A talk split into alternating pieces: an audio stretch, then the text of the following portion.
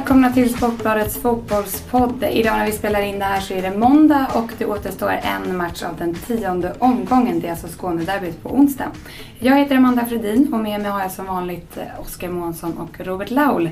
Vad har gjort er extra lyckliga grabbar? Eh, en eh, stor eh, avgörande sak faktiskt. Jag satt i pressrummet inför Svenska cupen-finalen här igår och eh, då det plötsligt slog mig att eh, den här litauiske mittbacken som numera spelar vänsterback i Djurgården.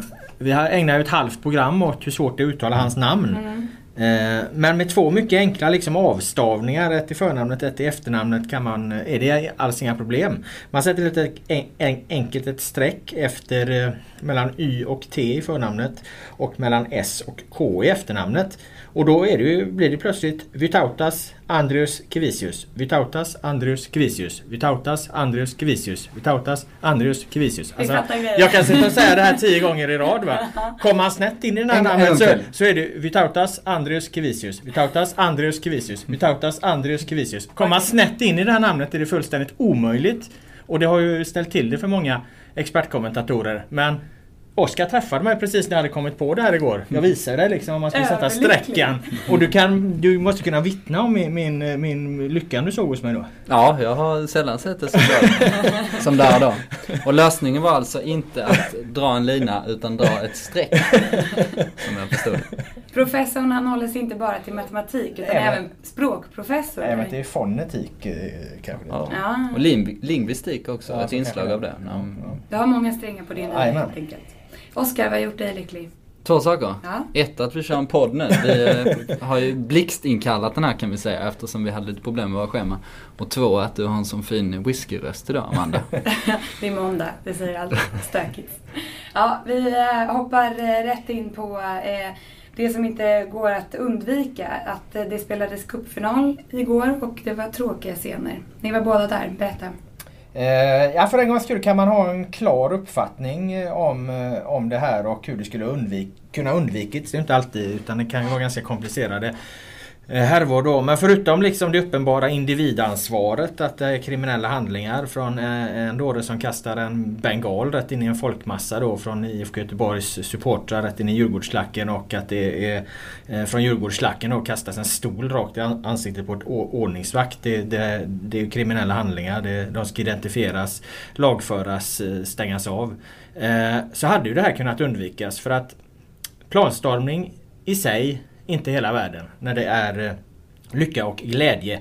Eh, att, man, att, att göteborgarna då rusar in på planen. Men varför bildas det inte någon form av eh, poliskedja vid mittplanen? Eh, jag är ganska övertygad om att hade de gjort det så hade inte IFK Göteborgarna liksom försökt bräcka den det brukar, det, så brukar det inte bli. Utan de, när supportrarna kommer in på planen brukar man ha en, en hyfsad, eh, vara hyfsat nöjda med att storma runt där lite och, och, och, det övergår ganska snabbt i glädjescenen. Nu kunde ju alltså Göteborgssupportrarna vandra över hela planen hela vägen fram. Jag menar, vi satt ju där på läktaren och undrade vad fan händer? Det kommer ju smälla liksom. Som tur var så eh, kom ju inte Djurgårdarna in. Alltså de sansade ju sig här Djurgårdssupportrarna och eh, kravallpoliserna tog väl hand om en del också. Men alltså det blev inte den katastrof det kunde ha, ha blivit. Men alltså det hade inte behövt bli någon skandal alls egentligen av, av det här.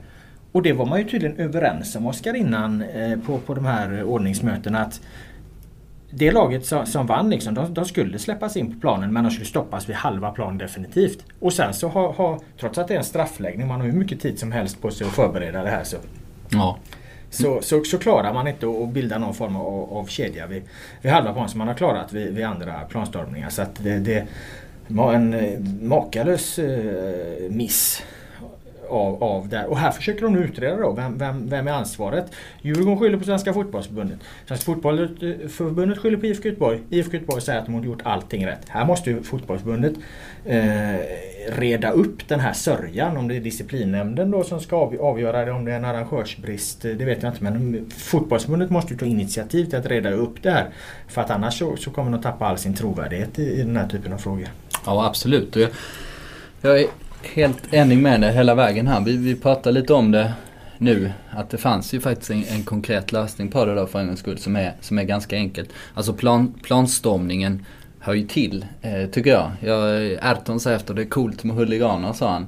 Eh, jag skulle kanske inte skriva under på att just det är så coolt med huliganer men eh, jag tror han, eh, han sa väl lite fel. Men han menar att, att de där scenerna eh, är ju eh, någonting som, som man vill ha efter ett avgörande Eh, straffsparks eh, eh, avgörande som, som det var i det här fallet. Och det är ju liksom en bild av svensk fotboll då, att supportrarna är engagerade. Och TV-bilderna visar de här galna glädjescenerna man rusar in.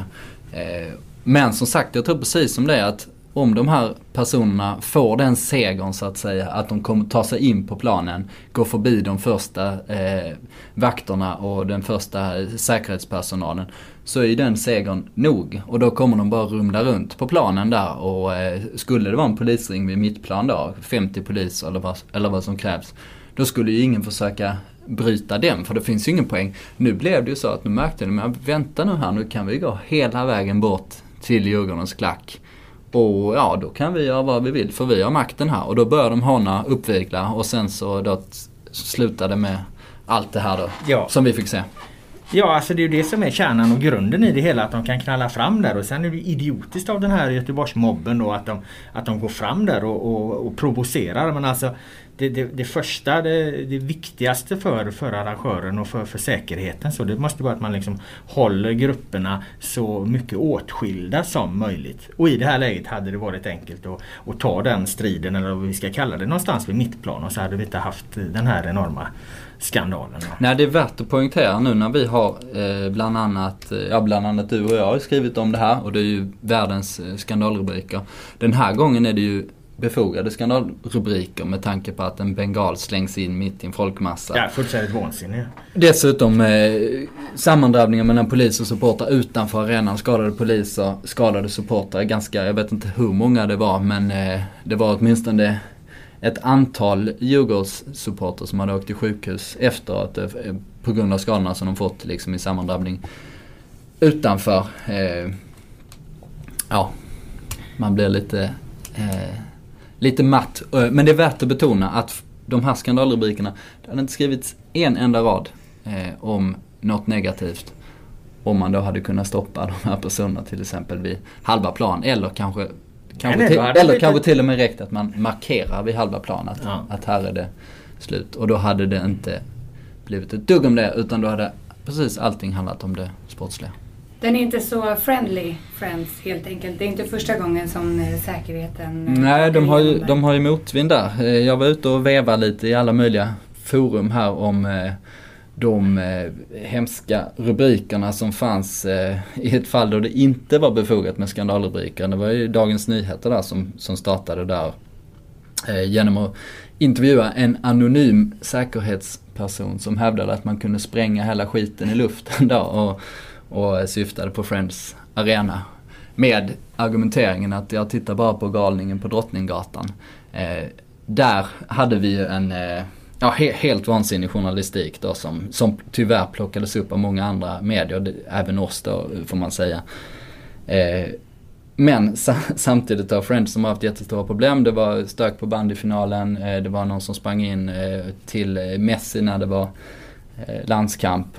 Och eh, och det har bara säkerhetsaspekterna då. Sen har vi en dålig gräsmatta, vi har den här takdebatten och sånt. Så det har ju varit mycket konstigt eh, på det har varit många stora ögonblick på de stora ögonblickens arena men kanske inte exakt den typen av ögonblick som de vill ha.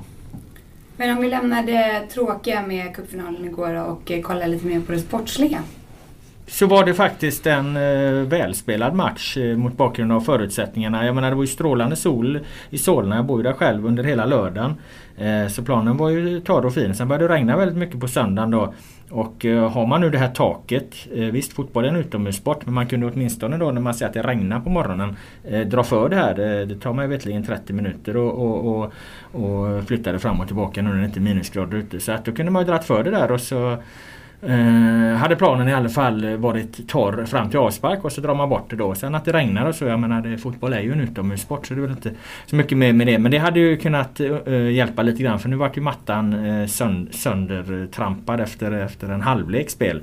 Sen var det ju eh, intressant också, det är så mycket balkar och skit och den här jumbotronen uppe i taket så att här rinner ju vattnet och bildar någon form av liksom eh, kanalnedfarter så att det blev tre stora hål mitt i gräsmattan som vi noterade där och det var på väg att bli samma sak under jumbotronen som inte hade blivit eh, om det inte hade varit för alla dessa bjälkade taket. Så att, eh, nej men de gjorde väl så gott de kunde spelarna på den här svårspelade underlaget. Vi räknade till 24 grova halkningar där folk liksom far kors och tvärs för att det släpper. Vi satt och, och antecknade där. Ja, mycket ja, ja, noggrann statistik ja, körde vi ja, faktiskt. Ja, och det var ju två halkningar ledde till skador för Djurgården. Va? Både Vytautas Andreas Kivisius. Där satt den. Skadade sig när Och Jesper Arvidsson skadade sig också. Ja, eh, hans ersättare skadade sig där då för att de halkade i eh, i Vättan.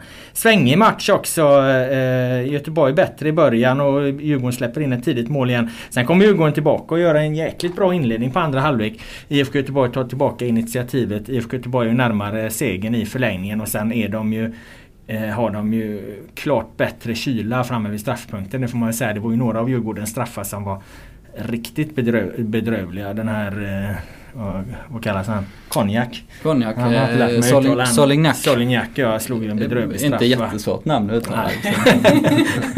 Men du har lagt allt all fokus på... Jag har lagt allt krut på Vitautas Andreas Kivisius här så att det kanske några andra missar några andra. Det är okej. Okay, okay. Nej men det är dåliga straffar Djurgården då. IFK Göteborg har ju ett straffok. De har ju haft säsonger där de har missat så fem straffsparkar i rad. Tobias Hysén har redan bränt eh, i den här säsongen och, och sköt ju ingen straff nu. Men, men visade sig att, att de hade andra bra straffskyttar framförallt eh, Fonrud då som avgör som iskall i avgörandet stund. Så att i straffläggningen var det väl egentligen aldrig något snack där. IFK Göteborg de missar bara en straff. Djurgården sätter bara en då.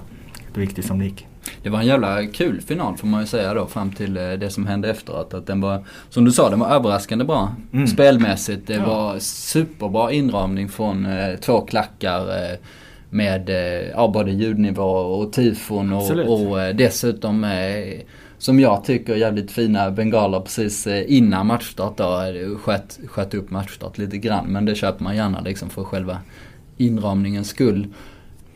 Och sen diskuterar vi en annan intressant aspekt där. Jesper Arvidsson skadade sig i 63 minuten när han hade kommit in. Han kom in precis i slutet av första dagen när Vitauskas Andrius Kvisius. Ja, nu, nu tittar jag på, lite på din, din lapp här. Vitautas Andrius Kvisius. Eh, när, han, han hade gått sönder och då fick Djurgården ett jäkla övertag. Eh, mycket tack vare den vänsterkanten mm. då, att Jesper Arvidsson kom in och som en duktig passningsspelare och ganska smart spelare som passar liksom för att eh, ha ett övertag eh, i spelet. Men i exakt samma veva, eller bara någon minut innan, så hade ju Mikael Stare gjort de här två bytena när han kände att de hade tappat matchen. Då bytte han in Pontus Farnerud och eh, Daniel Sobralens. Eh, mm. Och ja, framförallt Farnerud gör ju en jävla bra insats. Jag tror vi satte fyra plus på honom i tidningen där. Han, IFK har haft en period där, då där de egentligen inte har, har, fått tag på bollen där uppe. De har haft väldigt, väldigt mycket bolltapp som hänger ihop med att Djurgården dominerar matchen under den här tiden. Men när Pontus Farnerud kommer in då på, liksom på, på en vänsterkant fast i någon form av fri roll. För han är lika mycket centralt, ibland över på högerkanten också. Så så stör ju det Djurgården rätt mycket. Det, blev, det tror att det såg ut som att de, de, de, det blev ganska lurigt för Djurgården att försvara sig mot det. För de fick liksom inget, inget grepp om, om det. Det var en extra gubbe överallt. Och, och det här övertaget de eventuellt skulle kunna fått på sin högersida då lyckades de aldrig riktigt utnyttja. Mm. Ja, bra byte av Stare. Ja, och eh, ja, det var framförallt du får jag väl ge dig. Att du sa att du trodde att det skulle ändra matchbilden. Och när vi diskuterade då så trodde vi nog att Fanerud, ja men det just det här förmågan att man kan vila med bollen, att man tar bollen helt mm. enkelt och bestämmer att nej men nu håller vi den ett litet tag. Mm. Det ändrade hela matchbilden och, och från eh, minut 60 och framåt så var ju faktiskt eh, Göteborg bättre igen då mm. och i, i förlängningen Även om Erton har det här friläget ja, där Jan Alvbåge då gör en, en, de har ju egentligen en, en framstöt där efter Djurgården och då, då skaffar de sig faktiskt ett friläge. Eh, Javo får fram den till Erton och, och John Alvbåge det är ju faktiskt en bra räddning av honom.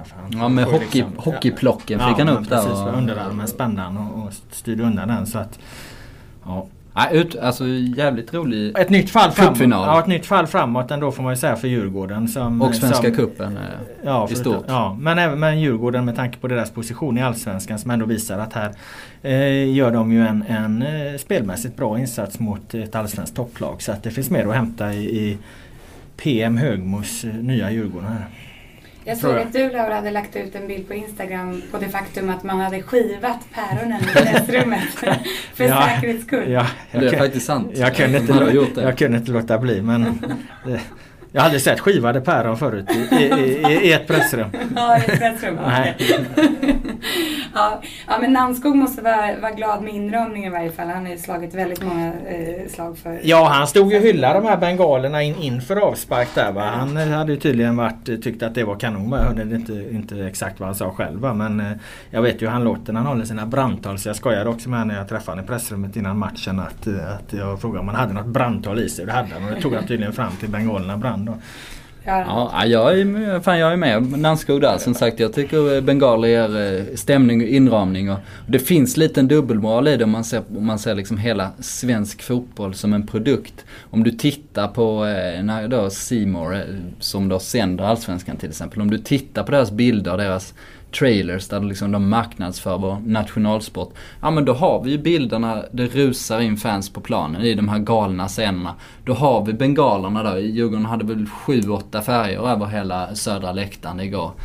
Eh, och då kan jag mycket väl tänka mig att matchen blir uppskjuten i, i fem minuter då. För att man får Ja. den här eh, upplevelsen. Det, Det, det är det liksom, hade några större synpunkter på det egentligen. säg inte Så- det, säg ja, inte kanske det. var. Men eh, på läktaren är det ju inte så. Alltså, man ser inte, det är inte så att folk liksom gnäller och gnyr över det där. Vi, alltså på Friends sitter man ju mitt i bland publiken även om man inte sitter i, i klackarna. Men jag menar där var ju, där är ju alla vid gott mod. Det är ingen som brydde sig så jävla mycket över det. Det jag oroade mig mest för det var att min parkeringstid skulle gå ut på grund av att, eh, att det blev uppskjutet. Men det, Ja, det kanske- det gick ju åt helvete i alla fall eftersom det blev förlängning. Så. ja då var det kanske du. Vi satt, vi satt ju bredvid varandra. Det var du som gnällde. Nej det var faktiskt, faktiskt en ansvarig för, eh, som är, jobbar på Friends Arena som eh, eh, kom fram till mig och eh, sa bara ah det här är för jävligt liksom när, när det rök lite. Från de Ja, båda, från de båda folk, klackarna. Folk, tycka så men jag menar man jag tittar ut över folk där så det ser, ser, ser inte så jävla besvikna ut. Nej, det är sant. Men det spelades ju derby på Friends förra veckan också.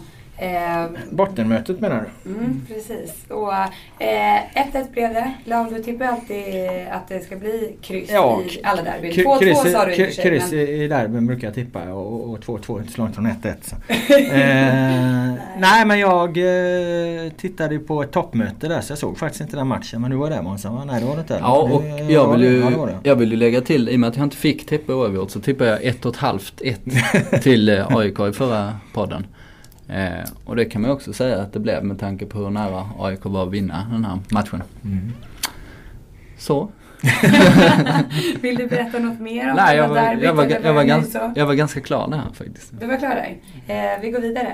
Eh, det spelas ju eh, Skånederby på onsdag. Malmö-Helsingborg. Vad tror ni om det? Är det 2-2. 2-2. Ja, det är Inga konstigheter. Ja men det, det, det är kul för att eh, nu ska vi göra något som en av våra kollegor kommer, inte kommer tycka om oss så mycket för. Johan Flink då, våran eh, högt hållne eh, man. Eh, Vår sängreporter. Ja just det, vår sängreporter i bollklubben men också en eh, Eh, hårt slitande reporter för Eh, på, Sportbladet. Han eh, är ju verksam nere från Helsingborg, bevakar mycket av Skånefotbollen där och eh, jag skrev en krönika för ett tag sedan där jag jämförde Dort, eh, Kalmar med Dortmund då som det här eh, nya unga laget. De är medelålder i Kalmar på 22 år men jag jämförde även Helsingborg med, med Bayern München och det här har ju Flink snappat upp så att eh, han håller just nu på att jobba med, med en jämförelse lite spelare för spelare mellan Bayern München och Helsingborg som kommer komma i tidningen då, matchdagen. Men vad fan, vi kan väl gå före med den. Det är inte samma målgrupp som lyssnar på det här och som går till affären och köper papperstidningen. Det, Säg inte det. det är, nej men det är det inte. Det är mer äldre eh, människor i Norrland som köper papperstidningen. våran, våran publik är en annan tror jag. Det är inte så många äldre människor i Norrland som lyssnar på det här. Om det är någon som har en invändning så hade vi väl någon Facebook-sida där man kunde komma med klagomål. Så det senast. Eh, I alla fall. Det här bygger ju Oskar på en eh, jämförelse som vi gjorde när Malmö FF var som bäst. Mm. Då de vann eh, derbyt, just Skånederbyt mot Helsingborg. Och Per Hansson efteråt när vi frågade vad, hur var det att möta Malmö då? De fick stryk med, vad fan blev det? 3-0 tror jag det blev. Till, eh, till Malmö den gången.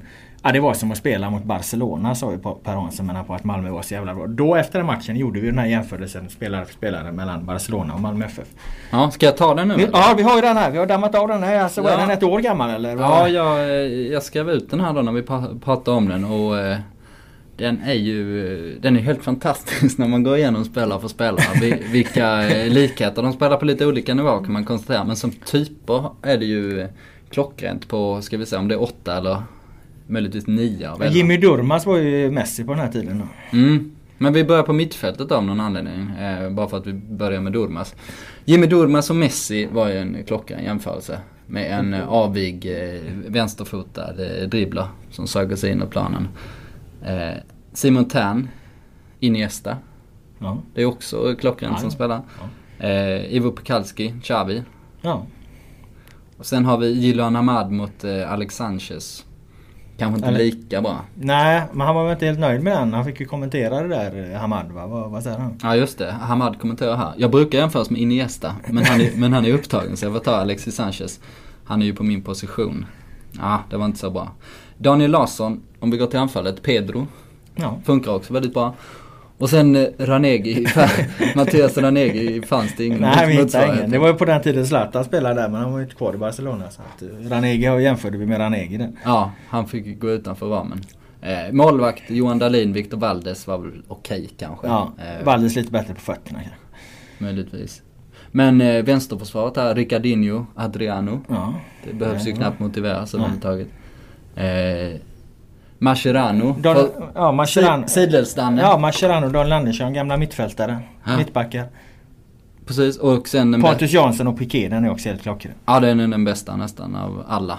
Det är ju dessutom Pontus Janssons stora idol. Och de kallar honom Piqué och sånt i, i laget. Ja, och sen kom det en Mikko Albonos och, och Sergio Ramos. Eh, Varför den nu kom in där. Men, oj, eh, eh, det ska, just det, vi har ett litet tryckfel här. Nej, nej, nej, nej, för fan det var så. Ja, men det ska ju vara eh, Dani Alves såklart.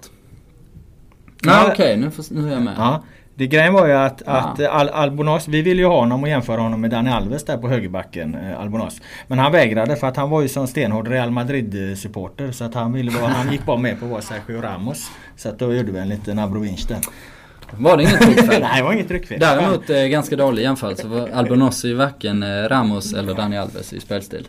Eh, han är ju en vänsterfotad högerback. Ja, så det... det Men eh, om man tar då, för jag Flink har ju suttit och spånat här nu då vad Helsingborg eh, och Bayern München är. Och där är ju likheterna, de är ju kanske ännu fler egentligen. Eh, Mano Neuer, Per Hansson, de ser ju ungefär likadana ut.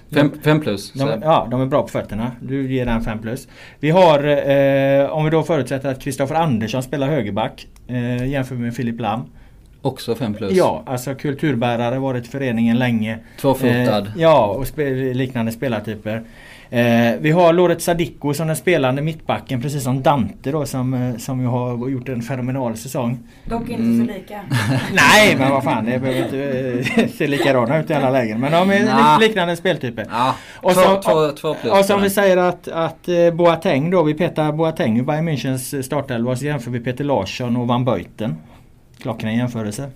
Ja den funkar absolut. Ja. Och så har vi då eh, vänsterbacken med, med Alaba där som eh, eh kanske inte är så lik eh, Erland Hanstveit som har spelat i Helsingborg på senaste tiden. Men det gör han ju bara för att Jerry Uronen är skadad. Och, och, och, har vi då liksom det, det valet som egentligen ska spela vänsterback så Uronen Alaba. Jag menar eh, bra teknik. Snabba framåt. Ja och ja. Ingen, ingen äldre än 16 år heller. Nej och inte helt lika heller då kanske men i alla fall. Eh, Bayern Münchens eh, stora grej med Bayern München, deras eh, tvåvägsmittfältare. Eh, Schweinsteiger, Javi Martinez. Exakt kopia skulle jag säga av Allsvenskans kanske bästa innermittfält. Adrian Gashi, Mai Malango. Jobbar straffområde till straffområde. Gashi då som en Schweinsteiger och eh, eh Malango som en Martinez. Mm. Det är inte så, så framförallt som, som duo så ja. funkar de bra. Ja, men om exakt. man skulle ta dem ja. som individer är det kanske tre, max 3 plus. Nu tar vi dem som duo här då. Och sen den kanske mest klockrena då. Eh, ingen av dem har hår. Mattias Lindström, Arjen Robben. Båda satt på repen här i vintras och jag menar Robben att de inte Kroos hade blivit skadad. Mattias Lindström ville de eh, eh, skeppa iväg. Sen fick han halvera sin lön. Så kom han in och gjorde succé. Vem avgjorde Champions League-finalen? gjorde Arjen Robben. Inget hår sa det. Ja, ja. Sex, sex plus. På högermittfältet då. Eh, vänstermittfältet, det enda område egentligen där kanske Helsingborg har en spelare som har spetskvalitet som är högre än Bayern München. Eh, om vi talar då om eh, eh David Ackham. Som ju faktiskt är snabbare än Ribéry. Mm. Men liknande spelartyper, Ribéry är också hyfsat snabb. Ja, två plus blev det på den. Ja, men eh, i alla fall eh, är han nog fan snabbare än honom. Så det är intressant av det perspektivet att de har en spetskvalitet där som är, är, är bättre än Bayern München. Ytterligare en klockren jämförelse. Eh, eh nummer 10-rollen är då eh, djupledslöpningarnas mästare. Alltid liksom få ut något av sina djupledslöpningar. Dyka upp på ett ställe ingen anar. Eh, Thomas Müller, Alejandro Bedoya. Mycket bra, 4 plus. Ja. Och sen då, de är väl från samma land till och med. Simovic och Mandzukic längst fram. Ja, jag trodde du skulle säga Simovic och Kastenjanko. Men så faller så faller ja, ja, men, ja, i och för Då hade jag gett eh, Men eh, där har du också två hyfsat eh, lika eh, spelartyper. Ja, men det är plus där för eh, Balk Balkan-ursprung. Så ja. det är fyra plus på ja, också. Så att, ja ungefär så. Ni får läsa mer om det i Flinks artikel. Nej, nu behöver ni inte köpa tidningen. Jag kommer ju få Flink ja, ja.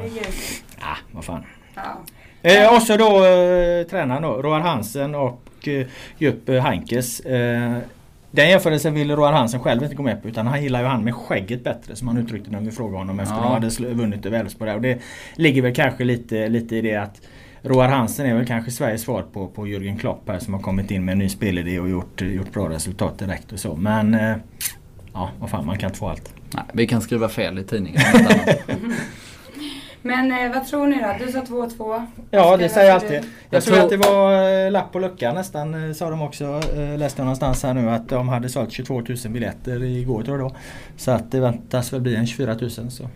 En det... välbesökt fotbollsmatch. Svensk fotboll är kul. Ja, jag tror på 2,5 2 till Helsingborg. Nej, 3-2 till Helsingborg. Jag tror också på eh, en målfest den här gången. Det är ju intressant med Skåne-derbyt att det är faktiskt inte särskilt eh, gammalt. Eh, utan det var ju först när Helsingborg gick upp i Allsvenskan början på 90-talet eh, som den matchen blev ett hett derby. Mm. Eh, och den föddes egentligen med en enda match och det var 93 när eh, eh Malmö-Helsingborg spelade 3-3. Helsingborg ledde med 3-0 i paus. Det var när Helsingborg hade det här otroliga anfallsparet med Mats Magnusson och Henke Larsson. Eh, vilket är ett par som, eh, jag vet inte, vi kommer aldrig få se sån eh, stjärnglans eller kultstatus på, på samma gång i ett, eh, i ett svenskt lag tror jag. Eh, men den matchen var det eh, nästan 29 000 åskådare på. 28 716 om ni vill ha den exakta siffran. Matematikprofessorn kanske eh, vill ha den. Eh, och där, där och då liksom föddes det här derbyt som har blivit så stort och det är rätt intressant att, att ta med sig för att eh, de flesta av de här derbyna vi har. Det är ju gamla drabbningar. Det går ju långt tillbaka i tiden. Men det gör faktiskt inte Helsingborg-Malmö och det fanns snarare på den tiden när eh, det här derbyt var, det var det snarare att de var kompisklubbar då. Att Helsingborg byggde mycket av sin eh, framgång då när de gick upp eh, från division 1 på gamla Malmö-spelare då. Som hade gjort sitt i MFF. Men eh, apropå matematikprofessorn, du, mm. Eh, hur går det med dina uträkningar? Just det, jag eh, räknar ju fram då att eh, AIK och Häcken var borta från guldstriden. Vi kan ju titta lite på det utvecklat så här. Jag har faktiskt eh, noterat lite här. Eh, det är 20 matcher kvar nu då va? Eftersom vi har spelat 10. Eller? Det är alldeles riktigt professorn. Här är vi rätt på det igen. Eh, tittar man då på vad, på vad AIK har i poängväg då 13 poäng så innebär det att de nu måste vinna 17 av sina 20 återstående matcher. Tror du det? Nej det, nej det tror jag absolut inte. Nej, om de då ska komma upp i de här 63 poängen som är, är snittet vad, vad allsvenskan har slutat på. De har ju fortfarande den här lilla lilla eh, livlinan och ifall det skulle bli en extremt jämn guldstrid. Men eh, eh den matematiska uträkningen den går ju fortfarande i, i den riktning då som har förutspått Häcken har ju 14 poäng. De måste alltså då vinna 16 matcher och kryssa två om de ska komma upp i, i över de här 63 poängen. Så att, eh, ja. Vi följer uträkningen eh, vidare här framöver. Mm. Eh, ikväll ska du till Söderstadion Oskar. Ja. Berätta. Um, jo, jag ska dit uh, nu om någon timme bara. Är det en Hammarby special? Uh, ja, det får vi ta. ska vi väl sänka Hammarby. Hur gick det för Norrköping? Uh, ja, det blir ju kryss för dem där. Mm. Efter vår uh, dödskyss. Ja. ja, de mötte Halmstad på bortaplan. Just det. Eh, och, och spela... bara ett kryss mot eh, Nästjumbo där då. Ja, och eh, Ramla följde dessutom ihop på slutet av matchen. För de fick ett psykologiskt bra mål med kanske 25 minuter kvar eller vad det var. Eh, men... Dödskyssen så stark alltså. Men så kom eh, dödskyssen. men vi kan väl dela ut den till Bayern också då om vi, om vi ska vara på det humöret. Eh, ja, de möter Jönköping Södra ikväll. Jönköping som har börjat ganska illa Eh, som ligger, de, jag tror de ligger inte på nedflyttning men eh, nästintill. Eh, Hammarbys, det som är intressant med Hammarby den här säsongen eh, är att de har spelat åtta matcher och har 7-4 målskillnad. Så det är inget eh, glatt, skönt lirargäng från Söder precis den här säsongen utan det är tillknäppt i, i båda riktningar.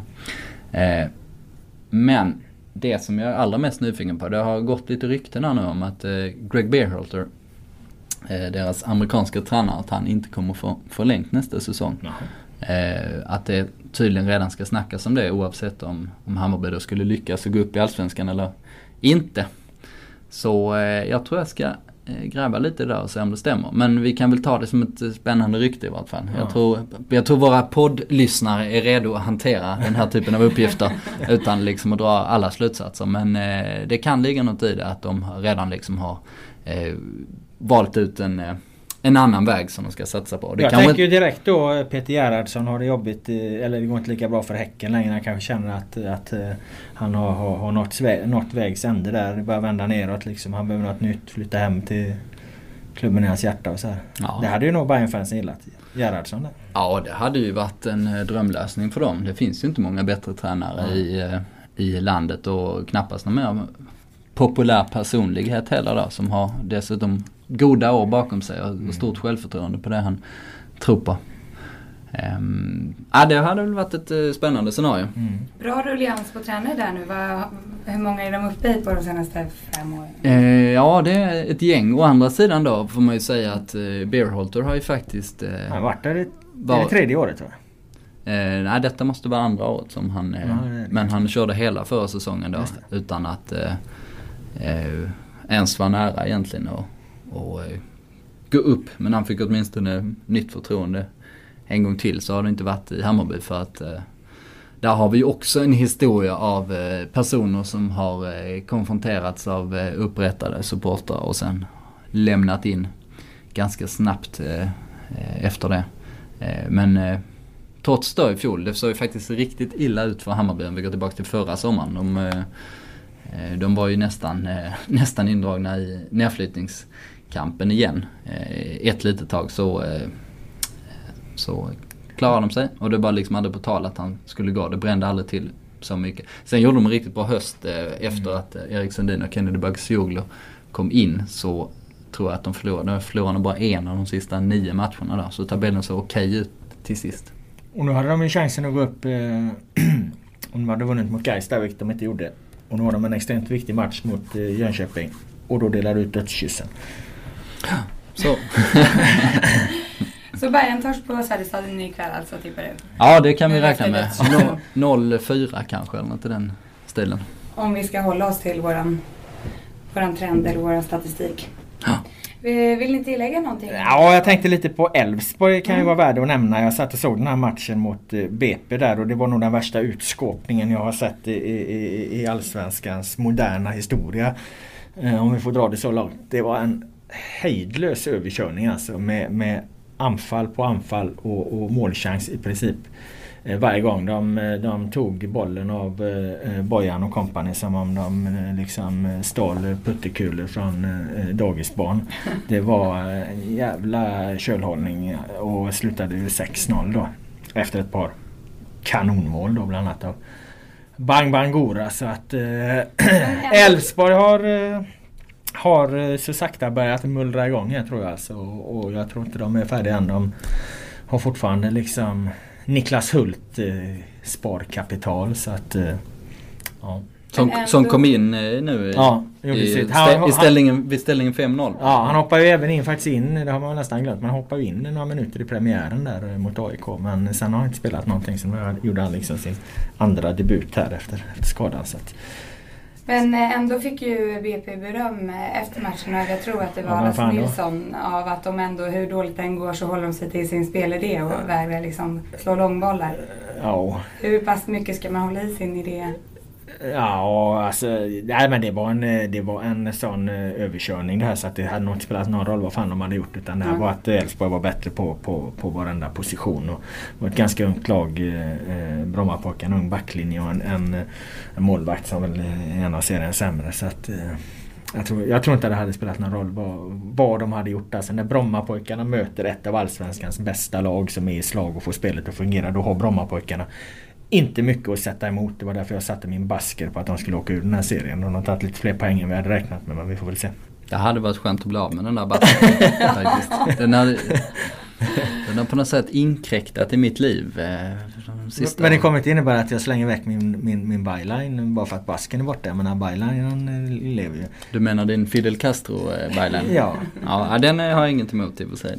Jag menar Lasse Sandlin han tog ju en byline när han var 45 och sen så körde han på den till han gick i pension. Så att jag menar det kan ju köra på den här. Då Absolut. blir man inte igenkänd på stan heller när det har varit tillräckligt många år från det. Så. Ska vi gå och ta en whisky eller? Ja, till sist Shape måste... upp din röst lite. Till sist, jag har inte fått reda på var, varför du har den här whisky-stämman egentligen. Ja, det är off podcast material det kan jag säga. Är det så? Stökig helg. Vi rundar av podcasten för den här veckan tycker jag. Vi är tillbaka igen nästa vecka. Tack för att ni var med.